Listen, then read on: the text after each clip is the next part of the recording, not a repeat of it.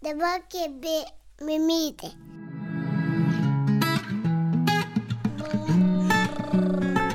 Kaba mama.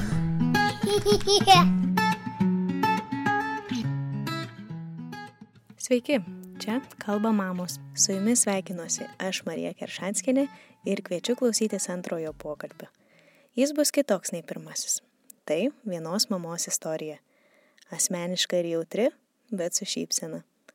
Tai pasidalinimas plačiai atverta širdimi apie tai, ką reiškia dvi Cezario pjūvio operacijos ir absoliučiai skirtingi jausmai po kiekvienos iš jų nuo nusivylimo savimi ir klausimo, kokia aš mama, jei nesugebu pagimdyti savo vaiko, iki nuoširdaus, žvaigždės siekiančio džiaugsmo ir dėkingumo savo kūnui už tai, kad sukūrė stebuklą. Šį kartą pasidalinti savo mintimis apie motinystę pakviečiau Rūtą Mačiulytę Valickienę, auginančią beveik keturių mėnesių sūnų taurą ir trejų tautę. Rūta Junktinėje karalystėje Jorko universitete baigė socialinės politikos ir politologijos studijas ir sulaukė pasiūlymo dirbti viename Junktinės karalystės socialinių tyrimų centre, konsultuojančiame Britų vyriausybę.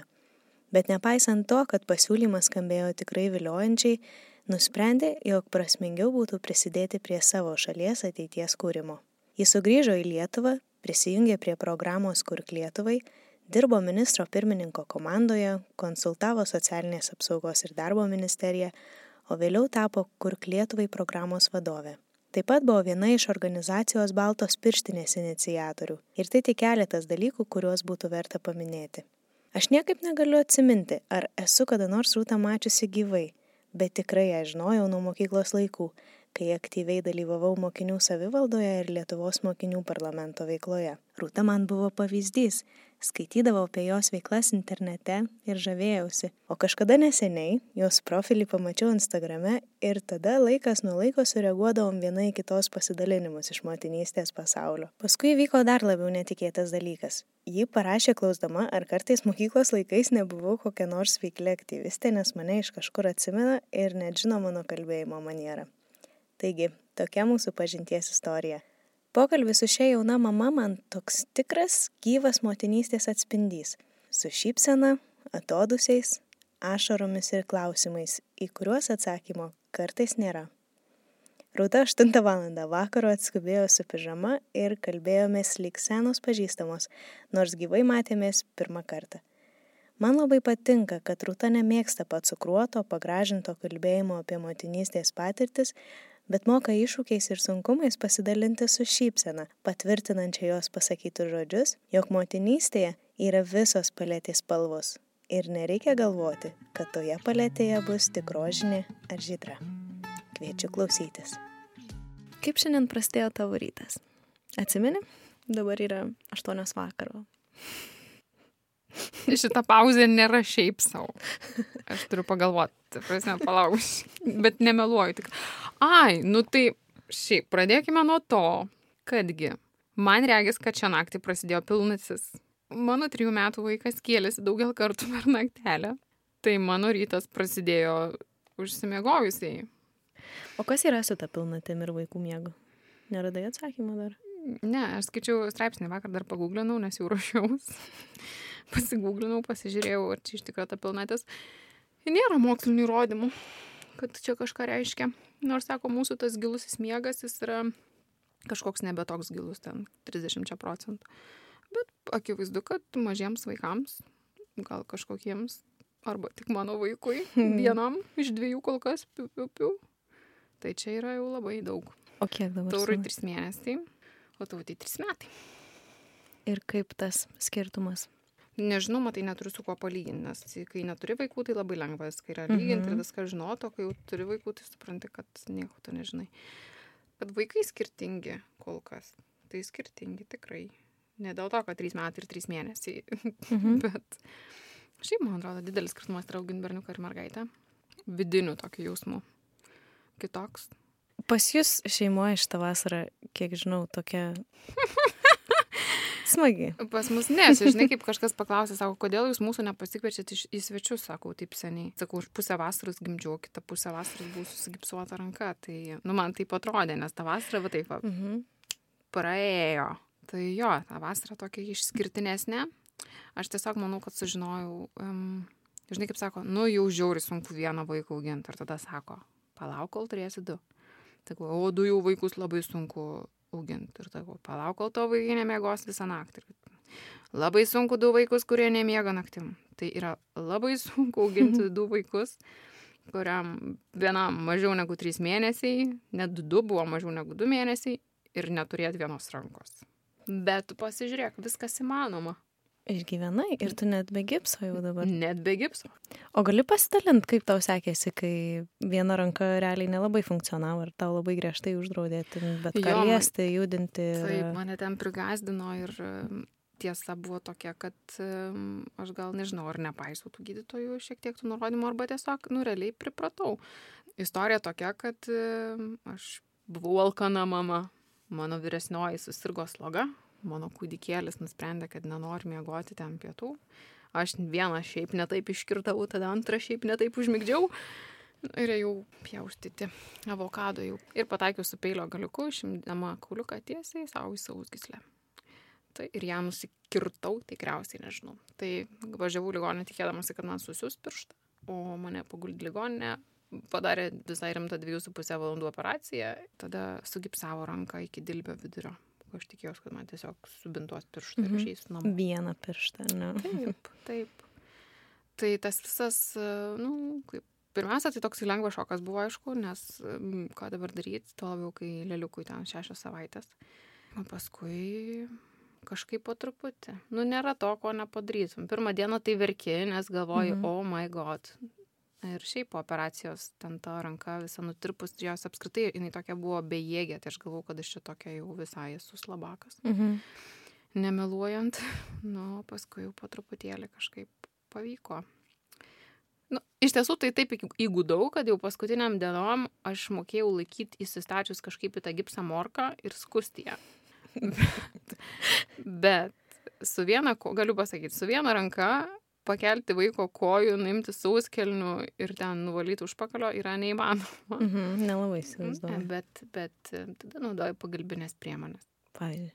Nu, esu, pavyzdžiui, darius parėmus kojas su knyga. Buvo. Ar gali pasidalinti, kuo skyrėsi tavo neštumai abu? Ar jie buvo labai kitokie ir e, gimdymai? Ir tavo jausmas po Mhm. gimdymo. Ar jisai yra panašus kiekvieną vaiką gimdant, ar jisai labai skirti patirtys tos? Hmm.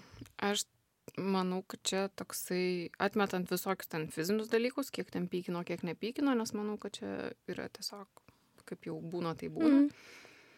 Aš trup, netruputį iš tiesų bijojau. Mano pirma reakcija antrą neštumą buvo, o, valio, ir tada, oh my god. Nes um, aš iš karto bijojau gimdymo, nes mano tas pirmas gimdymas toks truputėlį, mano akimis nekoks, na, aišku, žmonės sako, taigi vaiką turi koks šis nekoks. Tai ta patirtis pirmoji buvo tikrai nekokia ir atvažiavau ir ruošiausi gimdyti kaip visos normalios moterys, nes aš taip savo galvoj buvau pasakius, taigi visas Mhm. pagimdo ir aš pagimdysiu ir Mhm. gavosi taip, kad nu, nepavyko, taip man jau čia viskas lengvai, 27 valandas aš gimdžiau. Ir tada kažkaip staiga mane bam bam bam supakavo ir sako, viskas čia tau, niekas čia tau nevyksta ir išvežė mane ir padarė Cezarį. Tai mm, mano gal charakteriui buvo šiaip sudėtinga priimti, kad nu, visos pagimdo, o čia man Mhm. kažkaip, kažkodėl aš nepagimdžiau. Tai čia vienas dalykas, kitas Bet, dalykas. bet tau atrodė taip dėl to, kad aplinkoje nebuvo moterų, ar tu nebuvai to girdėjus anksčiau, nes šiaip Cezaris jis gana įprastas. Tai Cezaris, tiesą sakant, ne tik, kad dažnas, jisai buvo jau toksai dažnas pasidaręs, jau čia paskui, kai aš pradėjau gilintis ir galvoti ir, ir domėtis labiau, tai nu, dabar net siekiam yra sumažinti Cezarių Mhm. mhm. skaičių, nes pasirodo, kad čia yra nu, toks dalykas jau panacėja tampantis. Bet e, ne, mano aplinkoje nebuvo lyg ir, ar nežinau, kažkaip mes, nu, nežinau, mano aplinkoje tų cezarinių moterų lyg ir nebuvo. Esmė, kad, žinai, aš lankiau tos kursus, nes per pirmą neštumą, tai man atrodo, čia visur reikia nueiti, visur ten viską. Mhm. Tai kai pradėdavo aš nekėti apie Cezarį, aš pasimdavau telefoną ir pasižiūrėdavau, Nes man nebus- Fydėjo. Nu, ta prasme, Mhm. man tai atrodė, nu, Aš pagimdysiu pati. nu ne? taip, tai aš dėl to, žinai, ir sakau, kad nesitariau su jokiu gydytoju, su jokia kušerė nesitariau, nu, nieko nedariau ir žinau, kad daugelis tikriausiai taip daro, kad nieko nedaro. Bet galų gale viskas, nu, nes man atrodė, visos pagimdo ir aš pagimdysiu ir aš tai nu, kartojau visiems, manęs klausė, nu, jau susitarysiu kokiu nors čia gydytoju, ko ne, sakau, visos pagimdo ir aš pagimdysiu. Nu ir bet, ir man galų gale gavos, kad aš nepagimdžiau. Tas taip tikrai davė per, per makaulę. Kitas dalykas, man niekas nepaaiškino, kodėl mes važiuojam, kaip čia dabar bus. Mhm. Um, nu, žodžiu, reikėjo tą akimirką, tai taip ir darė. Tai medikai atliko savo darbą, bet nei po operacijos kažkas su manimi apie tai kalbėjo, nei ką. Ir mm, viskas išsirutuliojo į tokį ilgai besitęsiantį slogutį. Gal Mhm. taip reikėtų pavadinti minimaliai. Mhm. Jo, tai mm, nežinau, man tuo metu atrodė, nežinau, kas man atrodė, galbūt, kad aš nepateisinau pačios savo lūkesčio, galbūt, kad čia apskritai, nu kaip čia dabar, kokias čia moteris, kad aš čia nepagimdžiau. Kitas dalykas, mm, manau, kad mm, man tuo atveju tiesiog taip sutapo, manau, labai daug susidėjo tų dedamųjų ir kažkaip aš čia pirmom savaitėm namuose su to leliuku, čia dar kol tas visas pieno fabrikas užsikurs ir susiremontuos, čia viskas skauda. O draugai, su kuriais aš grįžau į Lietuvą, visokiais ten tampa viceministrais ir, ir patarėjais premjerų. Ir visokiais ten eina, pradėt, pradėjo dirbti visokius darbus ir ten keičia tik tai pozicijas. Aš galvoju, o kaip čia atsitiko, kad aš čia dabar su tais pantprastais namuose. nu, tai čia, žinai, taip kažkaip. Mhm. Bet čia, aišku, čia tas toksai epizodinis, čia toksai buvo, kai greitai susivoki, kad kur tu mėliau būtum ir supranti, kad nu niekur kitur nebūtum. Bet liūdėsėlio buvo, tai manau, kad čia tas mano perfekcionizmas tai kito atvedė, kad nu, nedaleidė, kad kažkaip gali būti kitaip ir, ir laikai, kad čia vienas atvejis geresnis, o kitas blogesnis. O antras neštumas, sakau, buvo, prasidėjo viskas nuo to, kad kaip čia dabar bus, nes iš karto galvoju apie tai, kaip gimdysiu, kaip čia man bus, ar aš čia jau, ar, ar aš bijojau, kad man vėl ateis ta liūdnybė. Mhm.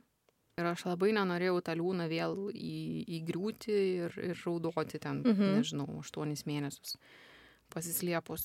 Gal antras neštumas toks truputėlį fiziškai sunkesnis buvo, bet vis, nu kaip čia pasakyti, aš dariau viską, kad išvengčiau situacijos, kuri buvo pirmą kartą. Tai jau tariausi su gydytojais. Jau aš tik atvažiavus gimdyti, nes man nu, buvo planuotas Cezaris su galimybė pagimdyti pačiai iki Cezario. Mhm. Tai aš atvažiavau ir sakiau, labą dieną, man rytoj čia Cezaris suplanuotas, bet aš noriu pabandyti pati. Man tikriausiai aš juokiuosi, kad man tikriausiai labai reikėjo, kad pasakytų, kad 10. Yra tie 10 cm, tada jau pasidarė man nesvarbu viskas. Nes man ten atsitiko viskas ir atėjo mes iki tų 10 cm. Ir tiesiog tauras buvo kažkaip 5 cm netaip įsistatęs. Ir jie negalėjo niekuo padėti dėl to, kad, nu, dėl rizikos, kadangi pirmas buvo Cezaris, tai jie bijojo, kad aš ten susprogstu viduj. Nu, sako, sorry, bet mes važiuojame operacinę. Ir aš galvoju, ačiū, ačiū. Tai vad, tai, bet jausmas visai kitoks. Ir aš nežinau, dėl ko tas jausmas visai kitoks. Galbūt, kad aš žinojau, kad tokia galimybė bus ir jinai buvo labiau tikėtina. Galbūt dėl to, kad po operaciniai palatoj pirmą kartą aš buvau, nu, pati viena kalenanti dantimis, atsibudus, to vaiko nėra, vyro nėra, nieko šalia manęs nėra. Aš Bet man nežinau, kas įdomu- čia atsitiko. Kadangi aš to nepatyriau, bet esu girdėjus tokių istorijų, kad atsibundi po to Cezario ir nieko nėra šalia. Jo, bet čia, žinai, aš nu, bus kaip kad vieno iš Instagramo man parašė, kad sako, čia kaip kontraceptikai tie tavo pasakojimai. Nu, tai čia nėra, žinai, bet iš kitos pusės aš netikiu tokių dalykų kaip sugarkautinimu, motinystės ir apskritai motinystės patirčių, nes visi sako, oi, čia kiek blogų istorijų, bet man atrodo, kad ne, yra kaip tik labai daug tokių vienaragių šokinėjančių ir, Mhm. ir nu, visai būna ir manau, kad yra ok žinoti visokius atvejus. Tai man pirmą kartą tikrai buvo labai blogai, viskas buvo blogai. Nuo atvažiavimo, kaip ten man atrodė, kad manim galėtų rūpintis, ne dėl to, kad kažkas aplink mane turėtų šokinėti, nu, bet man trūko elementaraus informavimo, kas dabar bus. Iki to, kaip viskas vyko. Ir kai jau buvo blogiausiai, tai gimdyklai likau aš su vyru, kuris mačiau, kad jam irgi nėra, jau man skaudo jam blogai. Mhm. Nes Baisu. Nu, ta prasme, nu, žinai, vyks. kas čia vyksta, o Mhm. šalia tavęs nei, nei gydytojo, nei akušerės, nieko nėra. Ir galvoju, aš tikrai nuoširdžiai galvoju, kad aš numirsiu. Ir suprantu, kad negaliu, nes nu, man, man dabar pasako ir man visas tas jausmas yra maniai. Kaip man atrodo, kad aš tuoj numirsiu, aš negaliu mirti, nes man yra vaikas, kurį reikia kažkaip dar pagimdyti. Mhm. Ir suprantu, kad mano vyras, kuris turėtų čia gyvenimo mano atrama būti, jis manęs nuo tos mirties neišgelbės. Tai va toks man buvo jausmas didžiąją dalį viso to proceso. Tada, nu kaip, nuvežė mane į operacinę, liepia man nejudėti, kai drebi iš skausmo ir, nu, ta prasme, negali nieko padaryti. Čia yra tiesiog fizinė, man atrodo, reakcija žmogaus, kad, nu, tiesiog taip gali būti. O aš ten visą tirtų ir sako, susim, ko tu čia drebi dabar. Nespecialiai. Nu, arba sako, jums sąrimis jau baigėsi. O aš suprantu, kad man skauda tik tai dar labiau, nes aš, pavyzdžiui, pilve skausmo niekada nejaučiau. Man plyšo visais atvejais nugara ir jie nieko dėl to negalėjo padaryti. Nu, nei vieno, nei kito, nu, čia patologiškai sakė kažkas yra, nu, nežinau, ar tai yra tiesa. Bet e, ir nesigilinu, ar tai tiesa ar netiesa. Nu, tai buvo. Ir Čia gimdymo metu? Jo, o man sako, nėra, sako, tau nieko neskauda. Čia maždaug atsipūsk. Aš suprantu, kad, žinai, gydytojai turi valdyti situaciją, nu, gydytojas valdo tuo atveju situaciją, bet, nu, man netiko tai, kad nieks neklausė, neįsiklausė į mane, ką Mhm. aš čia dabar noriu pasakyti. Kai man, kai man aiškiai duoda signalą, kad aš tam netikiu. Tas buvo, nu, tokios drąsos tikrai nepridavė. Ir sakau, kai jau vežė ten į tą cesarį, niekas net neaiškino, kodėl mes ten dabar važiuojam. Nu gerai, važiuojam, tai važiuojam. Ir girdžiu, žinai, ten penkios ryto, kaip kokiam filme, saulės spindulys per langą ir mano vaikas miau. Ir aš taip, oh. ir tada atneša man liliuką. Ir mano tokia pirma reakcija. Nu, tarsi, ne pirma, nu, ir gal ir pirma, nereikia čia įmeluoti. Ar čia mano vaikas būtų, ar ne mano vaikas būtų. Kaip aš žinočiau. Dabar, aišku, kai taip kalbu, tai labai taip, nu, liūdnai skamba ir galvoju, wow, mamytė. Nes, pavyzdžiui, su tauru taip nebuvo. Bet su tautė tai toksai grinas nusivylimas. Ar čia atnešė tautė, ar čia būtų atnešę kornelį. Iš kur aš žinočiau, žinai. Ar kieno čia tas vaikas, ar čia mano jinai. Ne dėl to, kad aš turėčiau minti, ar čia sukeitė kažkas Mhm. vaikus. Tiesiog, vat, nu, man kažkaip norėjosi patirti tą kelionę jos, aš buvau nusiteikusi tam. Ir nieko, ir viens, du, trys ir sako, bučkis ir išnešė ją. Ir tada jau kitas vaizdas, aš atsibundu kažkur, nežinau kur, man šalta, aš drebu, vėl apsidrau, vėl aš pati viena. Nu tai va toksai, nu toks va, kažkoks toks samišis. Man tas pirmas kartas buvo samišis, kuris baigėsi liūdėsiu. Ir dar tokia, žinai, kalta jaučiausi dėl to, kad vaikui viskas gerai. Sveik, ir man visi, žinai, sveikas vaikelis, kai kokia graži, čia, o jie tu kokia čia tokia nokia, nu taip, žinai. O aš galvoju, o man kažkaip taip liūdna. Nebuvo taip, kad aš ten kokią nors ryšio su jie nejaučiu ar dar kažką. Ne, aš iš, ten iš karto mylėjau ir visą ką, bet, žinai, atveža, sakau, ten pasibaigė tas drebulys, kitas epizodas atveža mane į palatą. Atveža mane į palatą ir aš nežinau, kur dingo mano vyras, gal kažkur dingo, bet aš atsimerkiu vėl ir matau, kad stovi ta kūdikio lavelė. Nu, Mhm. žinai, jau atvežta. Mhm. O aš jos realiai, nu tiek mačius, kiek man čia teikite, pabučiuokite viso gero.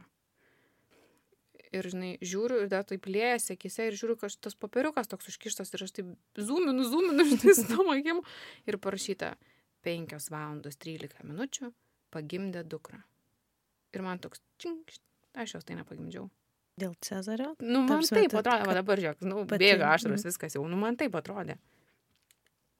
Ta kaltė kažkokia? Nu, nežinau, va toksai, žinai, kad aš tai jos nepagimdžiau. Kodėl jūs man sakot, kad aš ją pagimdžiau? Kodėl užrašyta, kad pagimdė? Ir ką? Nu, ir dar dabar trys metai praėjo raudą moteriškė atsisėdus ant soputės. Nu, bet taip yra. Tai, žinai, aš visą laiką tokį nuo paauglystės turėjau face your fears. Tai aš pamačiau, kad man čia yra jau blogai pačią pirmą dieną. Nu ir savo mm, neįvardinamam artimam asmeniui galvojau, kad čia nusimsiu viską, žinai, ir pasisakysiu, kad čia taip Mhm. aš nekaip jaučiuosi. Ir man sako, tu, sako, tai niekam nesakyk. Ir supranti, vietoj to, kad man palengvėtų, Kažkaip nelabai. mm, ne, man tada buvo dar blogiau. Tai niekam nesakyk, kad čia taip atsitiko, Mhm. mhm. niekas nežinos, kad tau tas Cezaris buvo. Mhm. Aš galvoju, oh my god, tai čia iš tikrųjų kažkokia bėda. Tai, nu, žinai, yra svarbu žodžiai. Žmogui yra labai svarbu žodžiai. Yra labai svarbus follow-upas, nes aš ten grįžau namo, mano tėtis atvažiavo e, manęs aplankyti, tada atvažiuoja už poros dienų ir aš matau, kad jisai žiūri tą podelį, kuris ten prie tos lovos tas dvi dienas pastatytas. Ne dėl to, kad aš čia kažkokį signalą siunčiau kažkam, Mhm. bet, nu, tiesiog, nu, ir taip, aš turiu vyrą ir, nu, čia ne kažką, nu, būna, kad žmonės tikriausiai podelį palieka prie lovos. Bet jis taip atsisėdo šalia manęs ir sako, Rūta sako, jeigu tu norėsi su kuo nors pasišnekėti, sako, tu paskambink ir gali tylėti. Tėti? Jis taip pasakė. Nu ir va. Aš manau, kad jisai su savo tai žodžiais, nu, kažkokiam prasme, nu, mane išgelbėjo. Ir tai nėra paaiškinama, supranti, aš suprantu. Ir man jau tikrai viskas ok, bet akivaizdu, kad tikriausiai ne ok, nes aš vis dar verkiu. Nepamirškim, kad, žinai, Nu. prieš tris mėnesius pagimdai vaiką ir puikiai žinom, kas Nu. ten per audros vyksta. Tai Antrą kartą. Nu, nežinau, antrą kartą viskas buvo, nu, visiškoj kitoj skalės pusėje. Su tais vienaragiais, ten su kažkokiu ten to, kažkokiais ten hormonais, kažkokiais ten, va, cukraus vatom, vaivorykštėm. My God, kaip išnešė ten mane. Aš šiek tiesą sakant, netikėjau, kad tai būna. Aš galvau, kad čia žmonės prisigalvoja. tas jausmas po gimdymo? Jo. Aš, nu, kadangi, sakau, pirmą kartą taip nebuvo, Mhm. tai aš labai bijau gimdymo, labai bijau, kaip čia dabar bus, kaip čia, čia, ką čia man darys, kaip čia viskas baigsis um, ir kas, koks jausmas ateis. Nesvarbu man ten operacinė ar ne operacinė, aš atsi, viskas atsibundu, vėjelį pučia šiltą man po kaldrytę. Žinai, šilta, drebu, šilta. Atsidaro duris, eina vyras ir sako, čia yra mūsų sunus. Ir aš taip, oho, ir viskas, goodbye, into the stars. nu, tai visai kitai buvo ir net juokinga, žinai, kitokia, Mhm. kad nu, po Cezario ten negali, nežinau, dabar bijau pameluoti, kiek ten tų valandų, šešias, devynias, nu kažkiek tų valandų ten guli ir nejudi. Tai parvežė mane į palatą ir aš guliu ir sakau, duok man tą vaiką. Ir aš apsikabinus taip ir pragulėjau visas tas valandas. Mhm. Nebuvo ten jokių rankų nutirpimų ar dar ko nors. Mhm. O, va tokia buvau. Išbučiuoti iš ten viską iš, iš vaivorykštėm. Ėjau iš proto. Labai įdomios skirtingos patirtys. Nu, ir sakau, va taip, va, viena vienam galė skalės, kita visai kitoj pusėje. Nu, va visko būna. Tai ir ta būsena po gimdymo, ar ne? Tai jau, jeigu kalbant ne apie pirmas valandas, o apie pirmas savaitės, ten mėnesius, ar ne, jinai skirtinga buvo, kaip suprantu, po pirmos dukters. Ar tai buvo depresija, ar tai buvo tiesiog slogutis? O kas gali pasakyti? O kas gali Mhm. pasakyti? Žinai, o kas gali pasakyti? Mane iš tikrųjų ta visa patirtis mano privertė pasido, nu, privertė. Aš natūraliai norėjau pasidomėti, kaip čia viskas yra ir, žinai, sužinojau tokią labai nemalonę tą statistiką, kad um, 70 procentų moterų po Cezario patiria depresijos ten visus požymius, žinai. Ir tada aš galvoju, tai iš kaip, kaip jūs išvedė tą statistiką? Tai vadinasi, tiek moterų turėjo kreip, nu, kreiptis, tu turi, kad iš tavęs vestų kažkokią statistiką. Kažkiek. Kažkiek. nesikreipia. Tai kiek yra Dar. žmonių, kurie nesikreipia? Kiek yra moterų, kurios savo tą liūdną gyvenimo laiką pasilikusios savo? Nu, nes taip yra. Nu, aš Mhm. taip įsivaizduoju, kad statistika tai veda iš, nu, iš kažko, kas atėjo ir pasisakė. Mhm. Negali iš... Nu, taip. Nu, žiauriai liūdna. Beprotiškai liūdna pasidarė pagalvojus apie tai, kad aš žinojau, kad, nu, niekas kitas man nepadės, aš pati savo turiu padėti, nepaisant to, kas tai bebūtų. Ar tai būtų eiti pas psichoterapeutą kokį nors, ar kalbėtis, nežinau, su vyru, mama, močiute, su belenkuo. Tiesą sakant, aš nei vieną iš tų dalykų nedariau. Mhm, dabar Nepaisant to, kad aš dabar ar- galiu ateiti čia išnekėti, žinai, Mhm. išgirskite mane visi, kas klausotės. Tu Išsiturėjai viską šeimoj- savy? kad ir kaip, kad ir kokia aš būčiau atvira visais klausimais gyvenimo, aš apie tai nešnekėjau. Aš tikriausiai ilgą laiką, kas man patvirtina, kad tai buvo daugiau negu kad tiesiog slogutis, kuris tęsiasi dvi dienas paraudė dėl kažko ir viskas. Mhm. Aš kažkaip va, tai laikiau savy ir aš, nu, aš manau, kad jeigu aš būčiau identifikavus, kad man yra kažkas Mhm. labiau negu aš būčiau, nu, ėjus ir sakius. bet aš tiesiog gyvenau tame. Kiekvieną dieną aš laukdavau vakaro, kad diena baigtųsi. Myliu vaiką. Tai yra visiškai tarpusavį nesusiję dalykai. Myliu vaiką. Viskas yra ok. Vyra myli. Visus myli. Viskas gerai. Bet ne viskas. Bet išlipai iš to. Taip, Kas tau padėjo? reikėjo, aš vienu momentu aš pradėjau jau ten, nežinau, gal tau tai buvo kokie 7-8 mėnesiai. Aš pasigūg, išdrįsau pasigūglinti. Tada, mm, nu, supratau, žinai, ir ką, ką visais atvejais sako. Gali, gal bus čia siubingas palyginimas, bet alkoholikas, ne, nu, žinai, kol nepasisakysi savo, kad tu esi alkoholikas, tol, nu, nieko. Mhm. Kol tu dragediktas, kol nepasakysi, kad turi problemų su narkotikais, nieko. Nu, tai galvoju, čia reikia panašiai tikriausiai man, nes aš jaučiau, kad aš, nu, nei su mamai ir nesakysiu. Nei su močiutė ir nesakysiu. Nei su draugiai neturiu ką pasakyti. Nu, nes aš mačiau, kad aplinkui mane nėra žmonių, kurie kurie suprastų tą jausmą. Apskritai, manau, nu, mamai taip dažnai yra, manau, tu gali vyrui savo perteikinėti, vis tiek tėčio ir mamos santykis su vaiku yra skirtingas, tai čia panašiai, nu, mano motinystės visas reikalas buvo, man atrodo, mano vienos reikalas. Man tiesiog reikėjo tai garsiai įsivardinti. Ir aš save priverstinai verčiau įti lauką. Priverstinai dariau dalykus. Man parašė, pavyzdžiui, vieną naktį parašė draugė. Gal važiuojam atostogauti Kiprą ar kažkas ten tokio su vaikais. Aš į šeštą ryto atrašiau, kad važiuojam. Su niekuo nepasitarus. Bet man atrodo, kad tą akimirką, nu, man, nu, man Mhm. reikėjo kažką daryti. Mhm. Kažką daryti. Ir aš jau kažką daryti. Tai tas kažką darimas man kažkaip labai...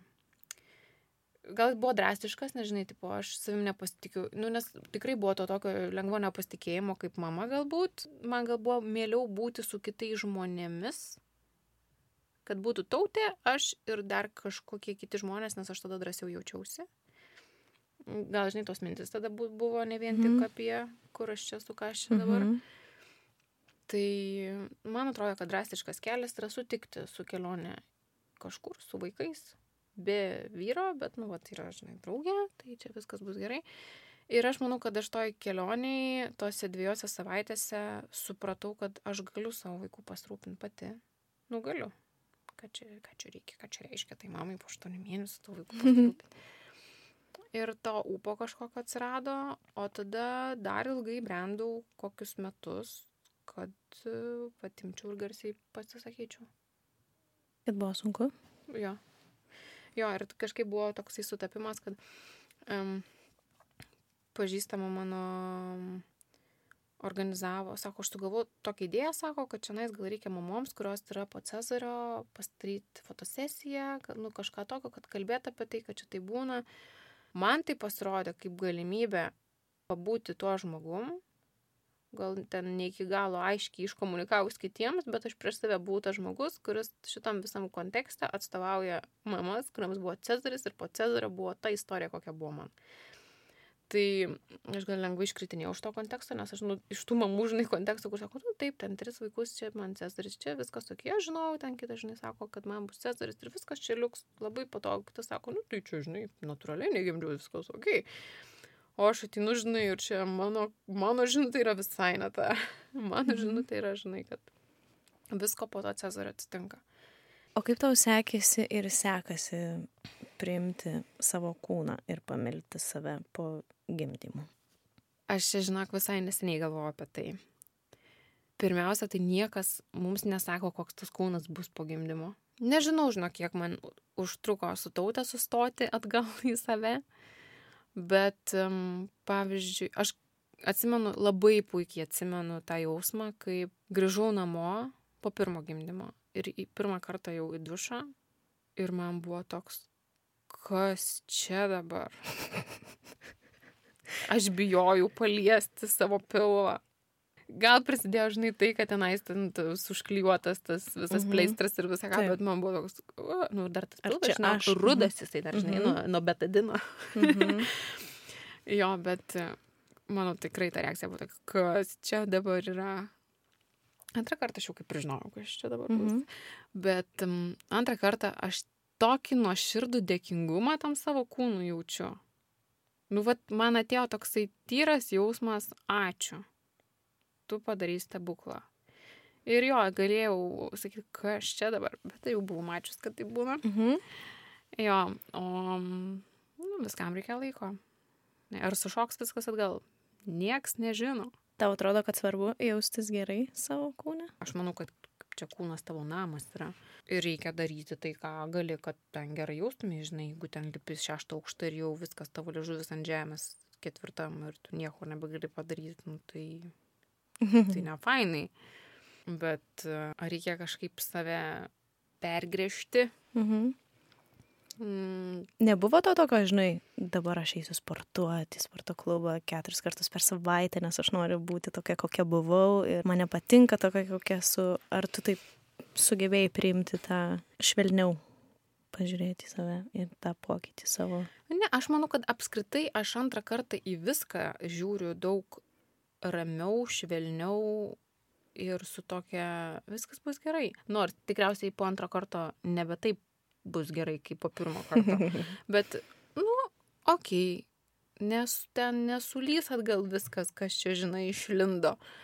Eisim sportuoti. Einu pirmadienį, tiesą sakant, sportuoti, čia dabar Vėliau. blogai, tu čia man paklausai, žinai, aš nežinau, ką aš čia atstovauju iš tam pokalbį. Bet um, po tautę sakau, aš niekur nejau, nekišau nosies iš namų. Ten viskas buvo motinystė, yra visos paletės spalvos. Ir nereikia galvoti, kad paletė yra tik rožinė ir žydra. Ten buvo visko. O dabar, žinai, aš taip žiūriu kitaip. Praeitą šeštadienį sakau, o, jogos treniruotė už pusės valandos. Soriukas, varau. ir išvažiavau. O pakalbėkim dabar šiek tiek apie buvimą tavo vat, su dukrytė. Žinau, kad tu gana ilgai neišleidai, jūs esate gana ilgai neišleidote į darželį. Nu, Ir čia ta. Aš esu skaičius- frazės, noriu tos frazės, buvo normali pana, ar ne? Buvo normali merga. Apie mane. Ai, Kol vaikų neprisigimdė. Aš esu skaičius tavo pasidalinimų, kad, žinai, sulaukia tokių dar tu namie, ar gal planuoji jau grįžti. Niekas taip neklausė, ar planuoju grįžti, man atrodo, jie buvo mane nurašę iš karto. Žinai, aš, nu, dabar pasakysiu, kaip man pasakė. Sako, tu žinai, ką apie tave šneka. Buvo merga 10 iš 10, o dabar kažkaip labai ilgai tą vaiką augino. Nu, buvau merga, buvau, bet dabar jau, kadangi kaip ir jau tokie jau kaip Kokie tavo jausmai? kilo? Va, aš norėjau sakyti, man nebuvo jokio blogo jausmo. Kas yra keiščiausia, man nebuvo jokio blogo jausmo. Aš tiesiog susižvengiau. nu, galvoju, kaip gali žmogus, kuris neturi vaikų, man kažką sakyti apie tai, kad aš esu per ilgai namuose. Kai aš jau jaučiuosi gerai, kad jeigu aš būčiau ten vis dar savo juodam pasaulyje, Mhm. įkritus tą juodą skylę kosmoso, tai tada jo, nu, tai tada arba vežkit mane į ligoninę, arba jau traukit į darbą kažkaip. Bet aš labai iš tikrųjų jaučiausi gerai, aš nesijaučiau taip, kad man čia kažką dabar reikia kažką daryti, jau taip nebuvo. Aš uh, tikrai žinojau, kad aš noriu tautį išleisti darželį tada, kai jinai grįžus man galės pilnai sakiniais papasakoti, kaip praėjo jos diena, kad jinai galės bent pasakyti, kad mes piešiam, arba kad ten mane stūmė Emilis. Mhm. Čia yra mūsų dabar pastarųjų Emilio mama. Jeigu tu klausai. Aš norėjau būti prieš save užtikrinti, nu, aš norėjau jaustis gerai, kad man ateis vaikas mano ir pasakys, man ten yra gerai arba man ten yra blogai. Dėl to aš visai nesiparnu. Ir kažkaip man tai buvo iš vidaus ir aš neturėjau jokio kito klausimo. Tai kitų tai buvo beveik du metai. E, Mes tik tada susiradom auklę. Pasirodom, tos auklės reikėjo labiau man negu tautai. Mhm. Jo, ir tada jau praėjo tik trys mėnesiai ir aš sužinau, kad laukas. Nors tiesą sakant, jau labai norėjau aš grįžti darbus. Ir jau viską aš sakiau, "Oh, kaip aš šiandien dabar, o vyras man sako, tai gal liuka. Ir aš sakau, ne, sakau, tu įsivaizduoji, kiek man yra prisikaupusios energijos, kūrybos, jėgos, tokios, viskas, sakau, kaip aš per tos du metus čia visko prikaupiau. Ir aš dabar sakau, turėjo, iš tikrųjų buvo tuo metu rinkimų kampanija prasidėti prezidentų, buvo man ten pasiūlymų visokiausių. Ir galvoju, kaip aš pavarysiu, va dabar nueisiu, išsitaškysiu, išrenka prezidentą ar prezidentę Ir vėliau. ir aš eisiu, va tada gimdyti. Nu, taip, taip, nu ir tada galėsiu gimdyti vaikų. Nu ir kitą dieną jau aš sužinau, kad laukiu. Kai šitą savo planą išdėšiu vyrui, išsprogdinus akis, kokia aš čia esu kūrėja. Kaip manai, ten yra daug potencialo kūrybinio statyti ir kurti ir kaip sukūriau sunus. Ir kaip tada jautėsi? Tai kaip jaučiausi, tai kaip čia prezidentas buvo, taip pat buvo jausmas. Tad buvo jausmas, kaip aš čia gimdysiu, kas dabar bus su manim. Nu, o dabar tai, nu ką, ar yra tinkamas laikas vaikams? Kas pasakys, kada yra tinkamas laikas vaikams? Arba, kai jau turi vaiką, šitas tai tikrai netinkamas laikas vaikui. Nu ne. Mhm. Čia, žinai, kaip aš juokiaus kažkada, kad kiekvienas turi savo vaiko limitą. Kiek tavo vaikų užtenka. Nu, tai kai tu turi vieną vaiką, tu nesakysi, kad mano limitas nulis vaikų. Tai tas vienas vaikas ir yra tavo limitas. Kai jau netyčia turi du vaikus arba penkis netyčia turi vaikus, nu, jau kad gyveni su tais vaikais, tai tikriausiai tavo limitas ir yra tiek, kiek tu tą akimirką turi. O jeigu svajoji apie dar daugiau, nu, good luck to you. Linkiu, kad pilnaties net tai nebūtų šis pasaulyje. Kuris laikotarpis tau buvo sunkiausias iš visų šitų tavo patirčių? Ar įmanoma sudėti ant svarstyklių? Ar... Ne, tai manoma, kai aš gyvenau kosminį juodoji skiliai, tai tada buvo labai nekoks laikas, tai šito nenorėčiau kartuoti niekam nelinkiu. Tai vat tas nebijotinai, kur tu, mm. jisai sunkiausias. Taip, jisai sunkesnis negu kad dabar, kai turi du vaikus. Šimtų procentų, nes, nu, gali turėti nors ir šešis vaikus, bet jeigu tu esi, nu, norėjau sakyti, sveiko proto, bet tikriausiai sąlyginai taip. Jeigu tu su tavo diena, tu supranti, kada jinai prasideda, kada jinai baigėsi ir kas vyksta tą dieną, ir tu turi kažkokių planų tą dieną, tai viskas ok. Bet um, tas juodas periodas, jisai buvo juodas ir kitaip jo nepavadinsi. Ir, um, žinai, man atrodo, kad um, kaltų tenais tikrai nereikia ieškoti, nes čia kažkas, kas ateina kažkaip ir neišvarysi tu to. Labai lengvai, bet um, aš supratau tik tokį dalyką, kad e, ne aš viena, ne man vienai taip. Ir aš tai sužinojau ir supratau tik taip po to, kai nusifotografavau su to pliku pilvu ir su tuo randu ir su tautė visą nuostabę. Ir e, pasidalinau Instagram'e savo tą visą istoriją, Mhm. mhm. kažkaip ant to pačio vaibo, nu, nes labai gražiai Mhm. padažyta buvau. Tai Ai, kad jau kalbėt apie tai, tai kodėl ne šiandien. Ir žinok, man tai palengvėjo jaučiu, kad iš tikrųjų tas visas paleidimas situacijos man ir atsitiko tada, kai, nu, aš gal I faced my fears. Aš pasakiau visam pasauliu. Mamai nesakiau, močiutai nesakiau, bet visam pasauliu nuėjau ir pasakiau. Man buvo blogai. Ir paaiškinau, kodėl man buvo blogai, kaip man tą akimirką, žinai, atrodė. Nu, nieks negali žinot, bet, nu, visai būna. Ir aš sulaukiau mano atveju, nu, nedekvačiai, aš ne kažkokia, nei influencerė, nei kažkokia mama, kur kotletų, žinai, kepa ir ten labai skanius jos kepa, kad čia visi tave followintų. Aš vis, žinai, nu, tiesiog, nu, taip, mano kartais būna public profilis, kartais ne public. Ir man tiek pradėjo rašyti moterų, kur aš ten nežinau, iš kur, aš, ne, aš manau, kad kažkas pasidalino tuo, ką aš ten pašnekėjau. Tiesiog kažkuo, nežinau Mhm. kad man pradėjo rašyti žmonės, kuriuos ten nepažįstu ir pradėjo pasakoti savo istorijas. Ir aš supratau, kad mano gyvenimas, mano patirtis labai juoda mano gyvenime, bet būna dar juodesnių. Būna visaip. Ir kai tos visos, žinai, susikūpė, nu, ten tų istorijų tikrai nemažai, pradėjau galvoti, kad gal reikia, žinai, Anglijoje, kai gyvenau, ten visokio plauko support groups veikia pradėjau žiūrėti šiaip, kas pasaulyje yra. Nu, atrodo, kad visose šalyse mes turim kažkokią tai support sistemą, kurią patys žmonės savo pasidaro. O Lietuvoje ne? Lietuvoje ne, nu, neturim. Tada buvę kolegos pradėjo, inicijavo ten tokią savipagalbos, psichinės veikatos savipagalbos, kažkokį tai ten projektą sveikatos Mhm. apsaugos ministerijai. Reikėjo, prašė feedbacko. Aš tik vienus vartus varau. Nepamirškit, ką tik pagimdžiusių mamų. Nes, žinai, tuo metu buvo kaip tik tas laikas matuko istorija, dar ten kažką. Mhm. Ir kadangi aš ten prisiskaičiau, jau prisianalizavau, jau, jau žinai, galvoju, tai kaip lemba. Kiek mes apskritai dalykų išvengtumėm, jeigu mums būtų širdį lengviau. Tuo metu aš nesakau, kad, žinai, nereikia visko suvedinėti kažkokią užsitęsusią pogimdyvinę depresiją. Ar aš tiesiog elementariai kalbu apie santykio su vaiku kūrimą, ar turėjimą, arba neturėjimą. Nes nebus taip, kad tu turi labai santykį, o paskui vieną dieną labai nebeturi to Mhm. santykių, nu, tarp, nebemyliu savo vaiko. Mhm. ir, nu, supratau, žinau, kad man likau, ne, nu, ne tai, kad, ne, nežinau, ar neišgirsta, ar nesuprasta, nes, va, savižudybė šokant nuo bokšto, kai tau tiesiog, va, kažkas ten negerai. Tai yra mental health. Nu, čia yra psichinės sveikatos bėda. Bet, va, kai jau mamai, mm, čia kažkokia, žinai, vis dar iš tų temų, apie kurias mes nešnekėsim. Šitas labai įdomus aspektas, nes ir mes dabar irgi diskutuojam su mamom, pavyzdžiui, kad ir šitie pokalbiai, kur aš mamas kviečiu ir dalinti savo istorijom, kurios yra labai skirtingos, bet yra visose jose tam tikras kažkoks bendrumas ir yra, žinai, įvairių nuomonių.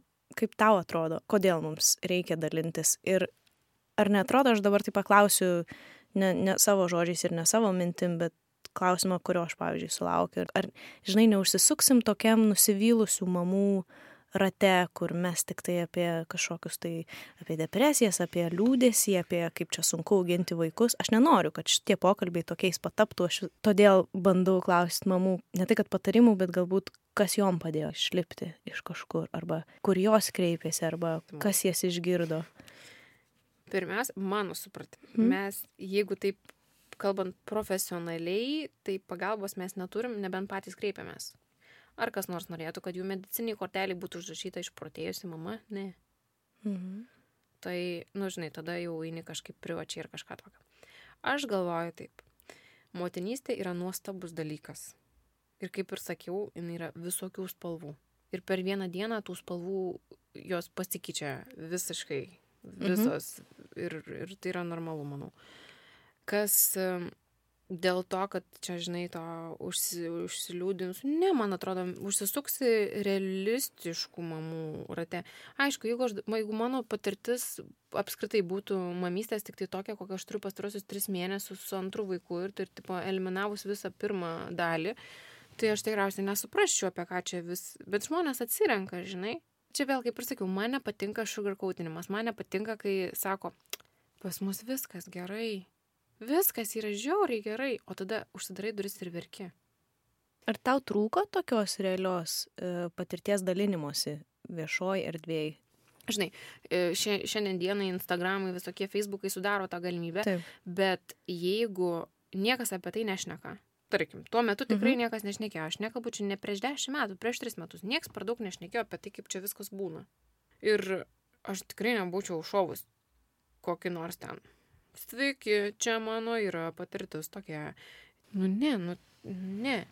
Čia iš vienos, žinai, pusės yra toksai, taip tai yra intimu, bet iš kitos pusės, man atrodo, kad čia yra mūsų kaip mamų atsakomybė, moteris prieš moterį, pasakyti, kad būna visaip.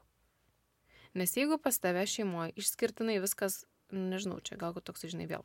Grįžkime prie frazių. Sovietinis palikimas, kur šnekam tik apie tai, kaip viskas buvo gerai. Nešnekam apie gimdymą, žindimas, pornografiją, žinai, ten.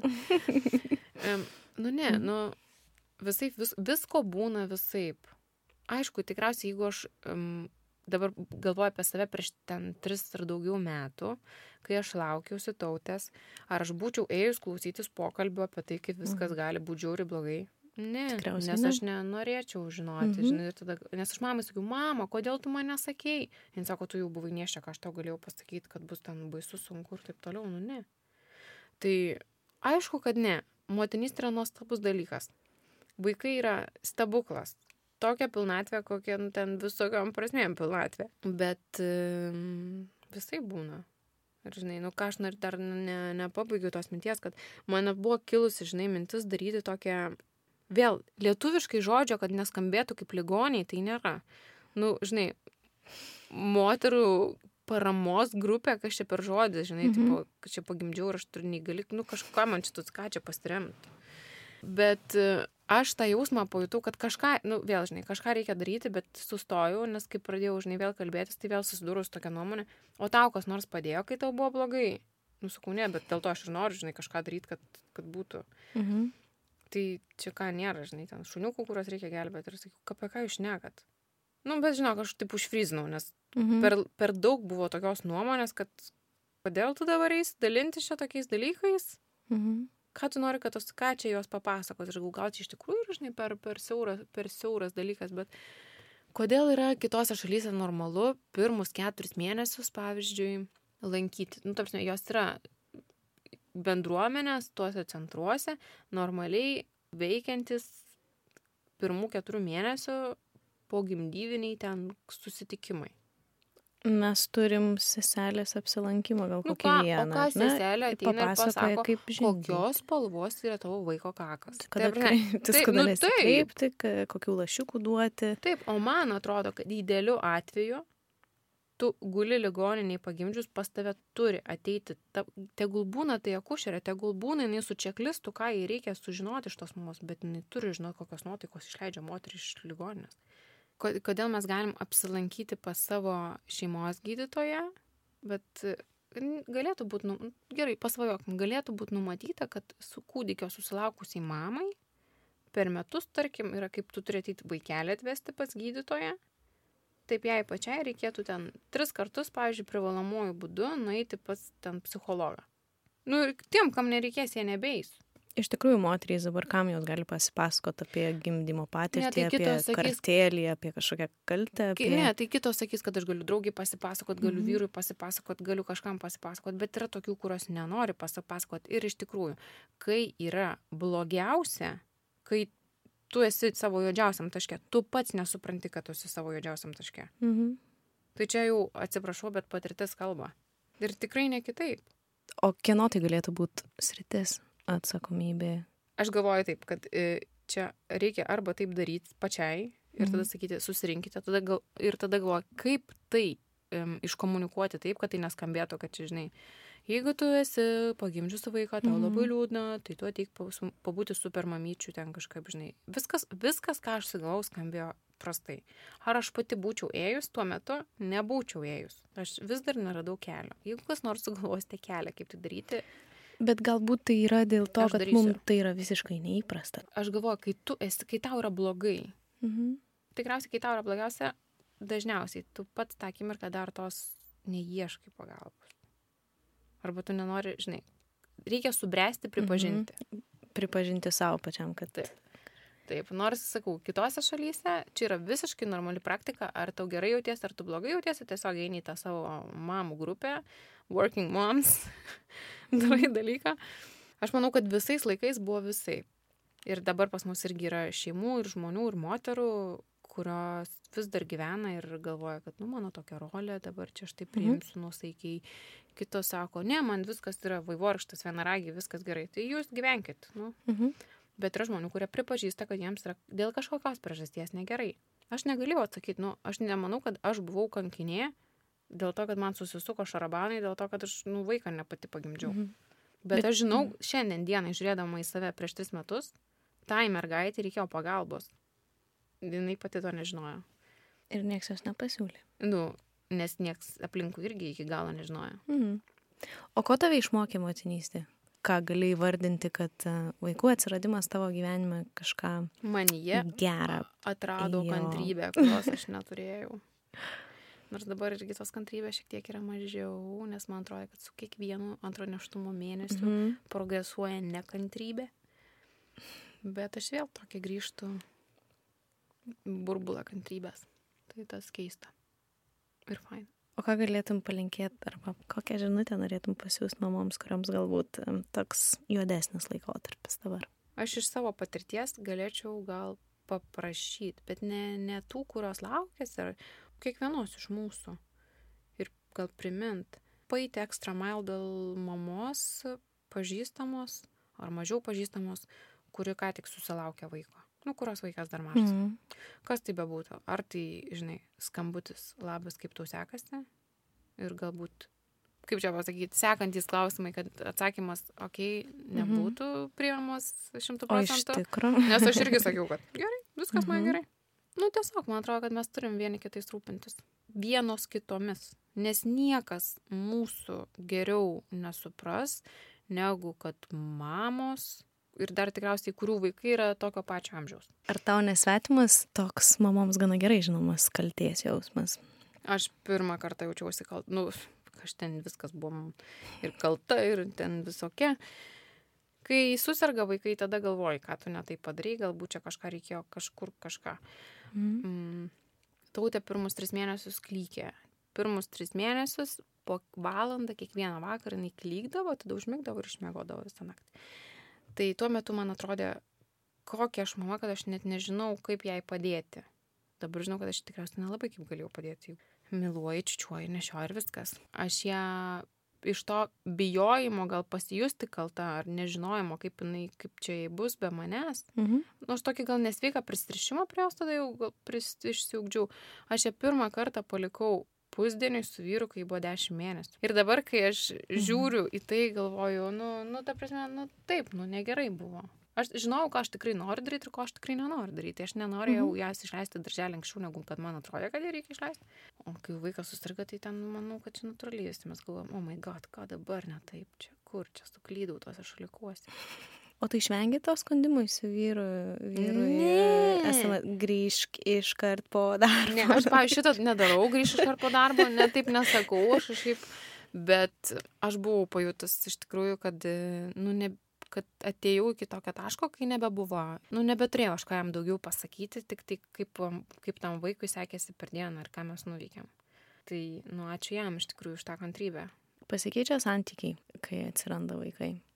Pasikeičia gyvenimas, o kai gyvenimas keičiasi, tai nu, vienas kitam atsiskleidė papildomais žiedeliais. Bet faktas, kad pasikeičia.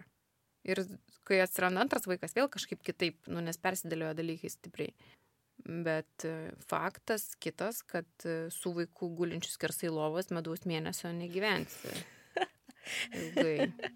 Mes irgi svarstam, kada pasibaigs šitas etapas. Dabar su dviejų metų, keturi mėnesiai. Neturiu tau ką pasakyti. Mm, Gal pasukti lovą būtų galima taip, kaip viskas. Tiesą sakant, kai mes jau esam keturiese, mes dažnai leidžiam jai gulėti tą savo H pagaliukų ir mes tiesiog abu atsigulam skersai lovas, kad jai būtų tiesiog, kad būtų ramybė. Kokia be išugdytos kantrybės tau yra vertingiausia dovana motinystės? Vaikai, kas čia, kas čia dabar praklausimas? Aš manau, kad aš, man visi sakydavo, tu žiauri kieta. Tu ten visokia. Tai aš manau, kad va dabar aš jau žinau, kad aš esu kieta. Aš pati dabar žinau, kad aš esu kieta. Man nieks nebaisu. Aš turiu du vaikus. Aš turiu vyrą. Ir aš savy tokio atradau, kad, nu, aš jėgos turiu savy. Kai jau viskas griūva, kai jau vaikas griūva ant žemės ir kai jau visiems misterija, aš turiu pakilti iš tų pelenų, kad visus surinkčiau. Ir aš tai padarau. Ir man atrodo, kad čia kažkoks yra neįtikėtinas dalykas. Ačiū tau labai už pasidalinimą. Ačiū, kad pakvietei.